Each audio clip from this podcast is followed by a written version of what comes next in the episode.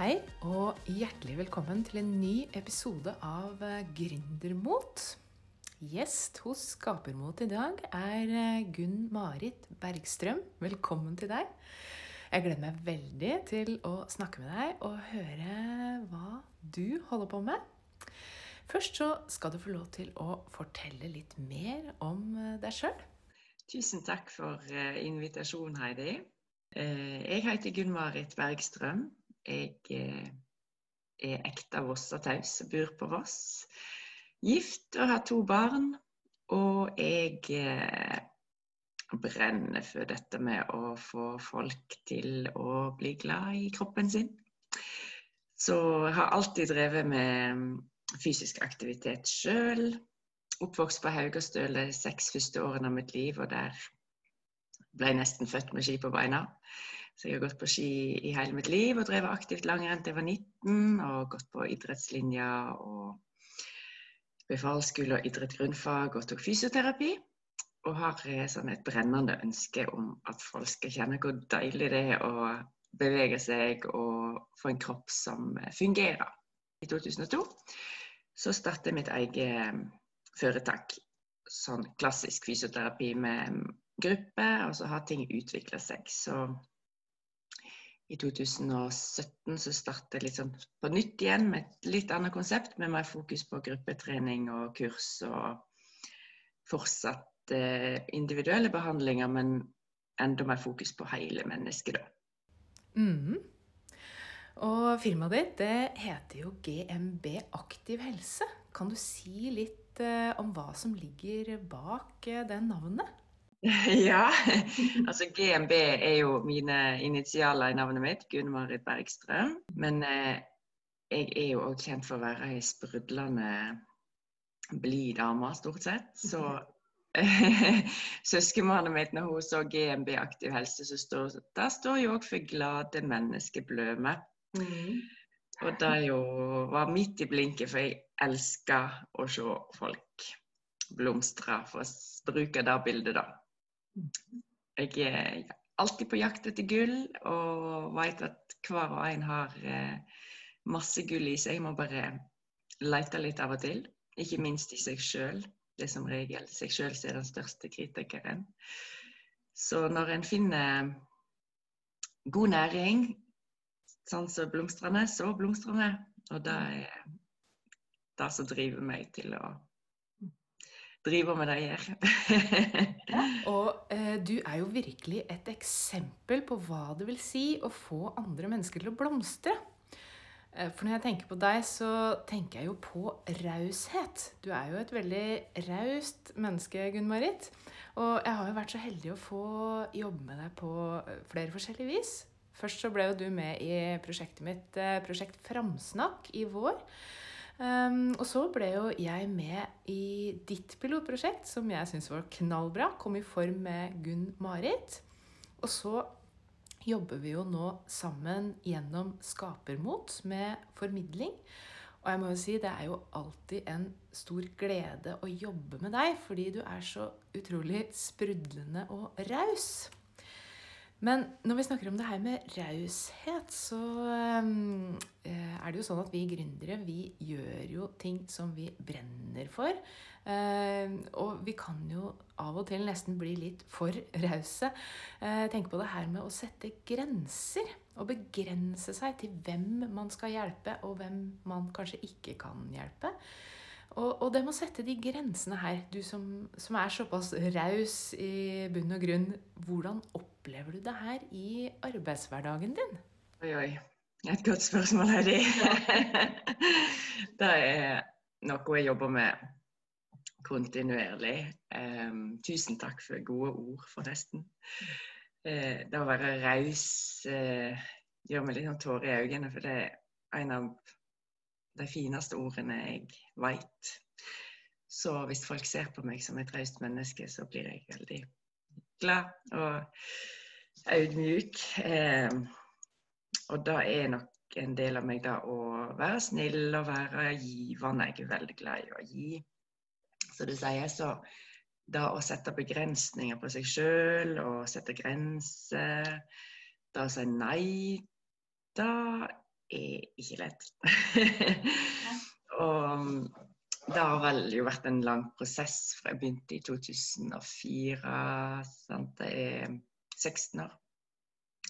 Så jeg gikk jo på den berømmelige smellen i 2015. Da hadde det vel hangla en stund, men da gikk jeg i den berømte veggen, hvis en kan si det sånn, med utmattelse og utbrenthet. Eh, så der har jeg måttet jobbe knallhardt med meg sjøl og på en måte eh, finne ut igjen hvem, hvem Gunn Marit skal være, og hvem jeg hvis jeg ikke sier ja, og hvem jeg hvis jeg eh, ikke er supergodt humør en dag. Sant? Det er noe med de forventningene folk har til meg òg, som en um, Kanskje etter hvert blir det nesten en belastning. Så det har lært meg fryktelig mye. Eh, sånn at i da jeg starta på nytt igjen med GMB Aktiv helse, som ble konseptet mitt fra 2017, så har jeg prøvd å begrense meg til mer fokus på, på gruppetrening og kurs, noe jeg det gir meg veldig mye energi. Um, og så er det da å finne litt om veien videre med de individuelle behandlingene. For da, jeg elsker å jobbe med folk i utvikling. Altså jeg er fysioterapeut, så det er fort for at en tar inn klassiske ting som et kne eller en rygg, som òg er veldig kjekt å jobbe med, men jeg sliter fortsatt med å begrense meg. Så det er litt det jeg jobber med nå, da. Skal bruke 2020 og 2021 på å finne Bli enda mer spesifikk eh, i mitt budskap. Ja, Det var et veldig godt svar, eh, syns jeg, Gunn-Marit. Jeg er sikker på at det er veldig mange som forstår godt hva du snakker om. For um, før eller seinere så er det jo mange av oss som har et uh, ublidt møte med denne veggen. Og ofte så starter jo folk firmaene sine etter at de har møtt veggen. Men det som er felles for oss alle i denne situasjonen, det er jo at vi kan lære mye av det. sant? Og etter hvert så ser vi jo at det er en veldig lærerik prosess for oss å ha gått igjennom. Eh, men det at man eh, ikke kan hjelpe alle, det kan jo være litt hardt å innse. Men eh, det er jo òg viktig å huske på at hvis man vil hjelpe alle, så klarer man jo faktisk til slutt ikke å hjelpe noen. Og det her det er jo viktig å ha med seg. Vi må jo velge hvem vi skal hjelpe. Og det her er jo av kjærlighet til oss sjøl og til de som du vet at du kan hjelpe. sant? Men det å ikke se det som egoistisk å sette grenser når du er vant til å være på giversida hele tida, det er jo ikke enkelt. Det er ikke det. Så det krever masse sjølinnsikt. Og det, jeg har jo brukt eh, andre til å hjelpe meg. sant? Jeg har tatt masse kurs. og gått på deva-yoga. sånn at i, i, prosessen så ble jeg jo deva-yoga-instruktør. Som ga meg veldig mye, som jeg nå kan Jeg har på en måte vært gjennom prosessene, så jeg tror jeg, jeg forstår folk enda bedre, da. Ja. Når det kommer i slitne og stressa, og dette med å, å snu tankene på hva er faktisk egoistisk.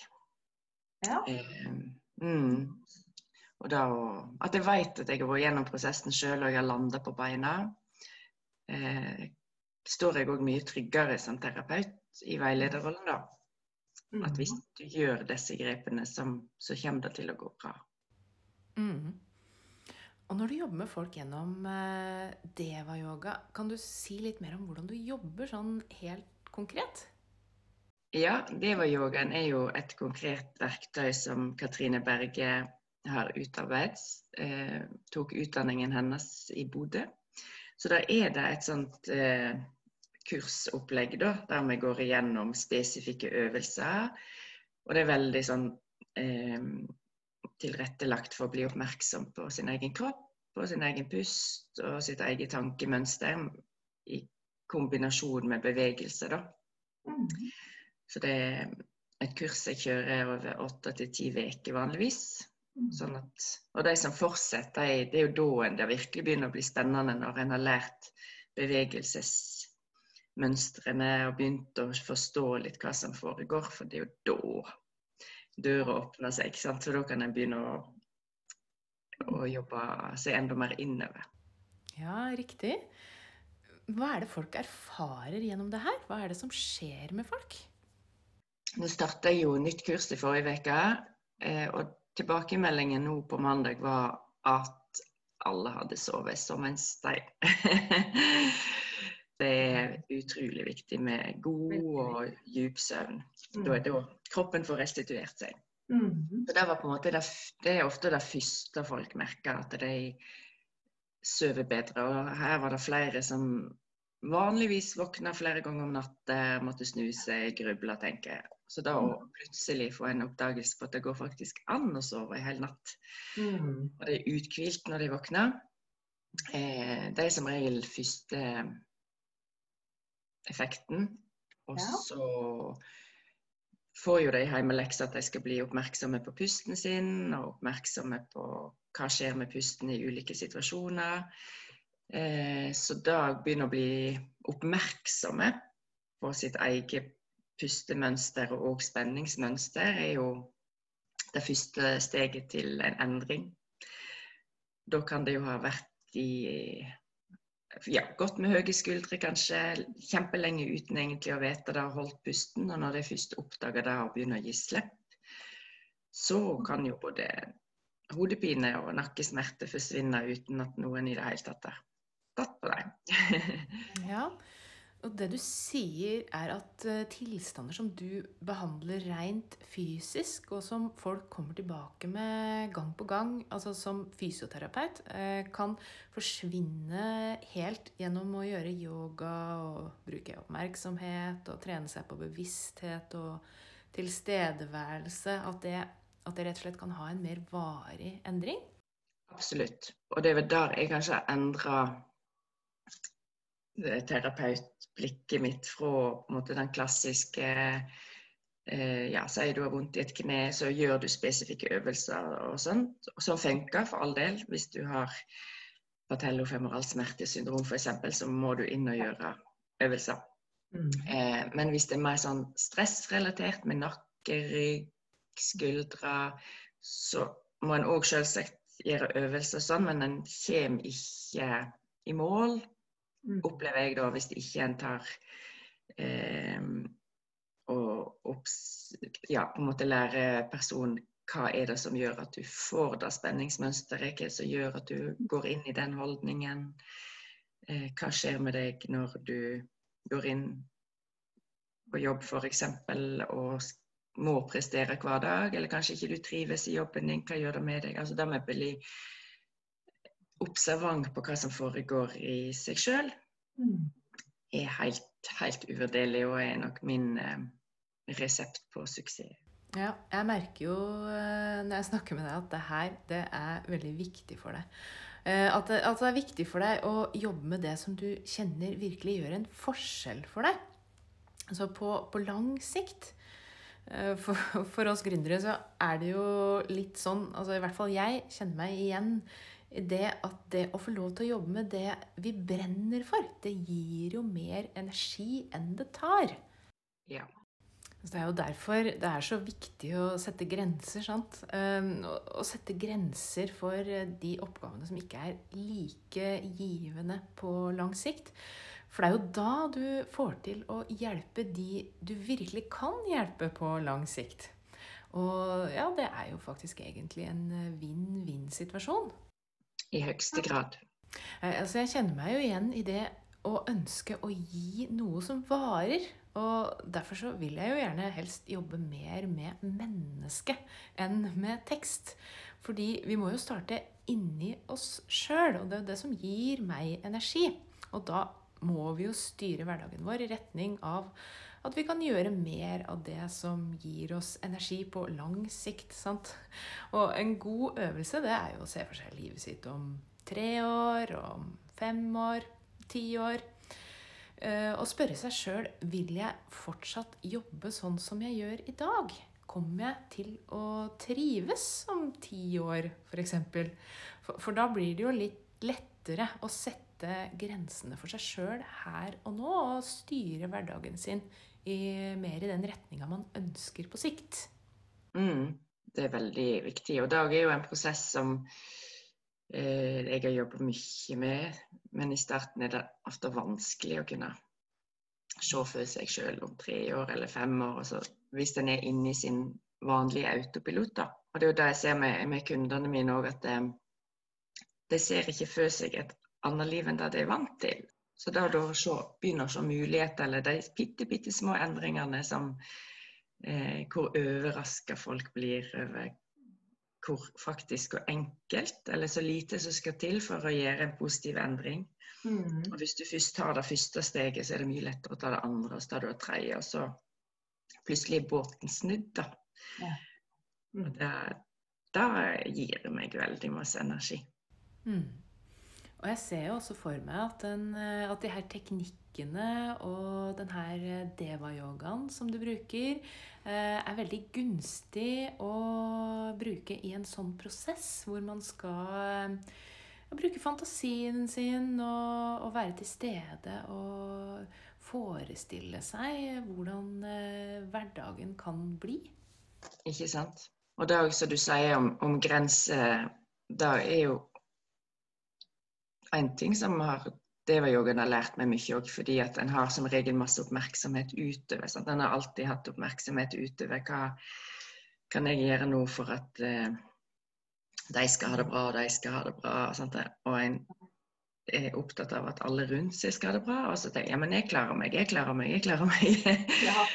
uh, så til slutt så har en brukt opp alle ressursene sine. Uh, så er det var yoga og meditasjon helt unikt, fordi da retter en blikket innover. Mm.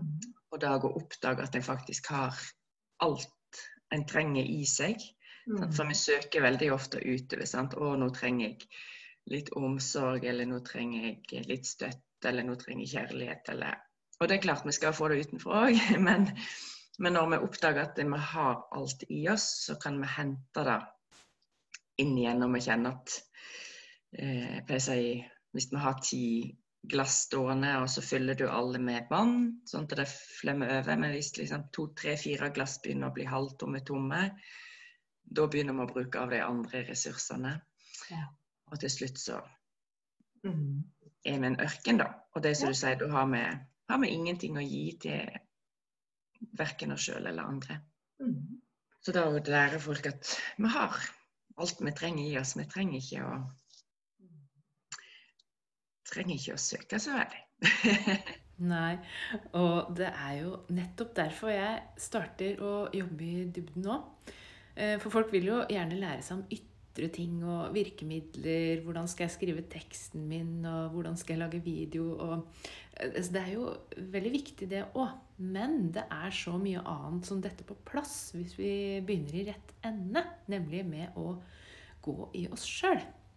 Eh, for det viktigste folk trenger hjelp med, det er jo å få troen på seg sjøl. Og den troen, den må du jo gi til deg sjøl.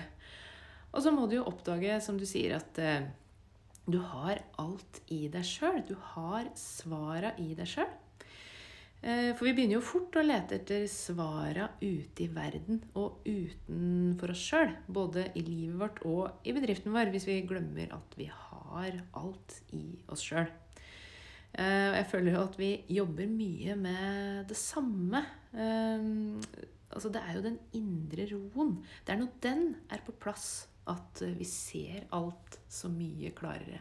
Og det her det har jo ringvirkninger i, i hele hverdagen vår og hele livet vårt eh, når vi som gründere virkelig jobber med det her. Ja, nå er du inne på et tema som jeg er elsker det. Og det er jo det med stressmestring og, og mm. nervesystem og par, sant, viljestyrt, ikke viljestyrt. Altså, og det er kjempespennende. Mm. Det er noe som vel de fleste tenker ikke over. Sant? En bare reagerer sant? Nå, nå ble jeg ja, en, en, reagerer impulsivt da, hvis en er veldig stressa, f.eks. Mm. Så går en eh, ja, har en et mye sånn snevrere blikk enn hvis en da finner den roen som en da kan få med pust og tilstedeværelse. Så ser en verden på en helt annen måte. Ja. Så det, det, er så enkelt, men samtidig så vanskelig. Ja. så må lære, jeg må jo lære verktøyene noen plass. Mm. Mm. Ja. Og det handler jo om å bli minna på det. Eh, Jeg har jo et begrep som jeg kaller det kreative overskuddet. Og jeg, jeg tenker jo at det her det er ikke noe jeg lærer bort, men eh, noe som jeg hjelper folk å huske. Eh, Det gjelder jo å huske at det her er en naturlig tilstand som vi har i oss, mener jeg. Ja.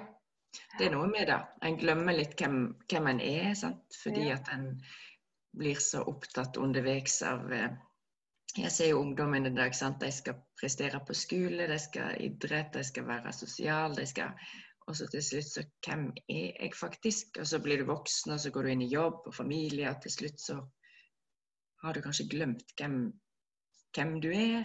Ja. Sånn i dybden, da. Ja. Og det er jo da en går på, på tross av sine egne verdier, kanskje. Og Ja. Da kommer vi inn på verdier, som jeg vet du òg er veldig opptatt av. sant? Hvem er du, og hva, hva vil du stå for? Ja, og for å vinne tilbake bevisstheten om hva som er dine verdier, så må du jo nettopp få det her rommet som, som du skaper i dine yogatimer. Og ja, få den muligheten til å se seg sjøl innenfra igjen. Og det er, jo, det er jo det samme som jeg ønsker å ta fram i folk når jeg jobber med dem. For eh, altså, formidling er jo så mye mer enn vi egentlig tenker over til vanlig. Helst har vi jo lyst til å bare sette det bort. Men det er jo en veldig uheldig situasjon, for vi må ha med oss hele oss og motivasjonen vår. Og hvis andre tar valga for oss, hvordan går det da med motivasjonen vår? Den varer ikke, sant? Den daler. Og det samme gjelder jo i livet generelt. Hvis vi ikke er bevisst på hva som er rett for oss, og hva som egentlig er verdiene våre, så, så ender vi opp med å bli med på andres uh, ideer om hva som er rett, og bare følge andres råd, og, og vet ikke helt hva vi skal velge sjøl. Det er sant. Og da kommer det litt tilbake til det du spurte om uh, tidligere i intervjuet, dette med grenser. Når jeg er så raus kan gi fra meg alt. eh, og det har jo vært eh, selvsagt frustrasjoner til tider, at en kan se at eh, en føler en blir kopiert, eller noen tar En føler at noen tar noe som er sitt. Men det òg er jo en prosess som en har måttet lært at hvis du jobber ut ifra hjertet, eller jobber ektefølt, og jobber ut ifra den du er, så er det ingen som kan ta ifra deg det du gjør. Det kan hete det samme, eller det kan, eh, det kan være det samme innholdet på en måte i timen, men det er du som er den som formidler. Ja, det er så sant og så viktig. Ja, for en kan fort bli vippa pinnen, og så, og så igjen rette blikket utover og se at den gjør det, og den gjør det. Og så både bli stressa redd og lei seg. Sant? Og da blir vi jo òg, selvsagt, ikke det? Men at en, blir, en er oppmerksom på at nå er det det som, som fanger meg. Og, og dermed, jo tryggere en er i formidlingen, som du hjelper meg med, Heidi, og, og jo tryggere en står i seg sjøl og er bevisst på hvem en er og hva en ønsker å stå for, så er det ingen som kan ta ifra meg akkurat det jeg gir. Ja, veldig godt sagt. En veldig eh, viktig observasjon, Gunn-Marit. For det er jo nettopp det her jeg jobber for at folk skal se. At, det kan se så bra ut, og det kan se så proft ut. eh, Og du kan tro at noen er bedre enn deg. Men eh, hva er det egentlig som ligger bak den her mulige fasaden? Hvilken tro har man egentlig på seg sjøl? Og hvor langsiktig er motivasjonen egentlig? Det er ikke alltid at ting er sånn som de ser ut. sant? Eh, og vi må bare jobbe med å bygge opp oss sjøl og troen på det vi gjør. Så spiller det jo ingen rolle hva andre gjør. Fordi ingen kan gjøre akkurat det som du gjør. Nemlig. Ja. Og det er der det går på. sånt. Det som er ekte, det, det vil bli gjennomskua til slutt. Altså de som kun gjør det av profitt, eller og det er jo litt mer sånn Motivasjon kan vi jo snakke også lenge om. Det er jo noe jeg jobber mye med med tanke på trening og mål og indre, ytre motivasjon. Men hvis det er bare ytre motivert at du skal prestere og du skal tjene mest mulig penger, men du har ikke den grunnleggende indre motivasjonen med deg, så holder ikke du ut i lengden. Nei. Mm. Og da står ikke du trygt eh, når For det blir jo motgang òg, sant. Det vet vi jo. vi har, Ja. det er ikke bare fryd og gammen å være gründer, det er eh, masse utfordringer. Men da står en òg tryggere når det blåser hardt. Ja, jeg pleier jo å sammenligne det å være gründer med å seile sin egen båt midt ute på havet. Og skal du seile din egen båt, så må du jo også kunne håndtere uværsdagene. Og det er jo faktisk ikke sånn at de fleste dagene i en gründers liv består av medvind. Og Derfor så mener jo jeg at den viktigste ressursen i bedriften din, det er jo å takle de dagene hvor det blåser eh, litt annerledes enn du hadde tenkt. Og det kanskje er litt sånn uvær i lufta. Og, altså, du må jo bygge opp deg sjøl først. Ikke finne løsninger hos alle andre. Hvis du skal bygge noe varig. Ja. Det er veldig viktig. Det ser veldig idyllisk ut kanskje når eh, folk ser det utenifra, men det ligger knallhardt arbeid bak. Mm. Ja, Mye av en gründers tilværelse er jo faktisk eh, ganske ensom. Og derfor så er det jo viktig å kunne fylle opp seg sjøl med, med det vi trenger.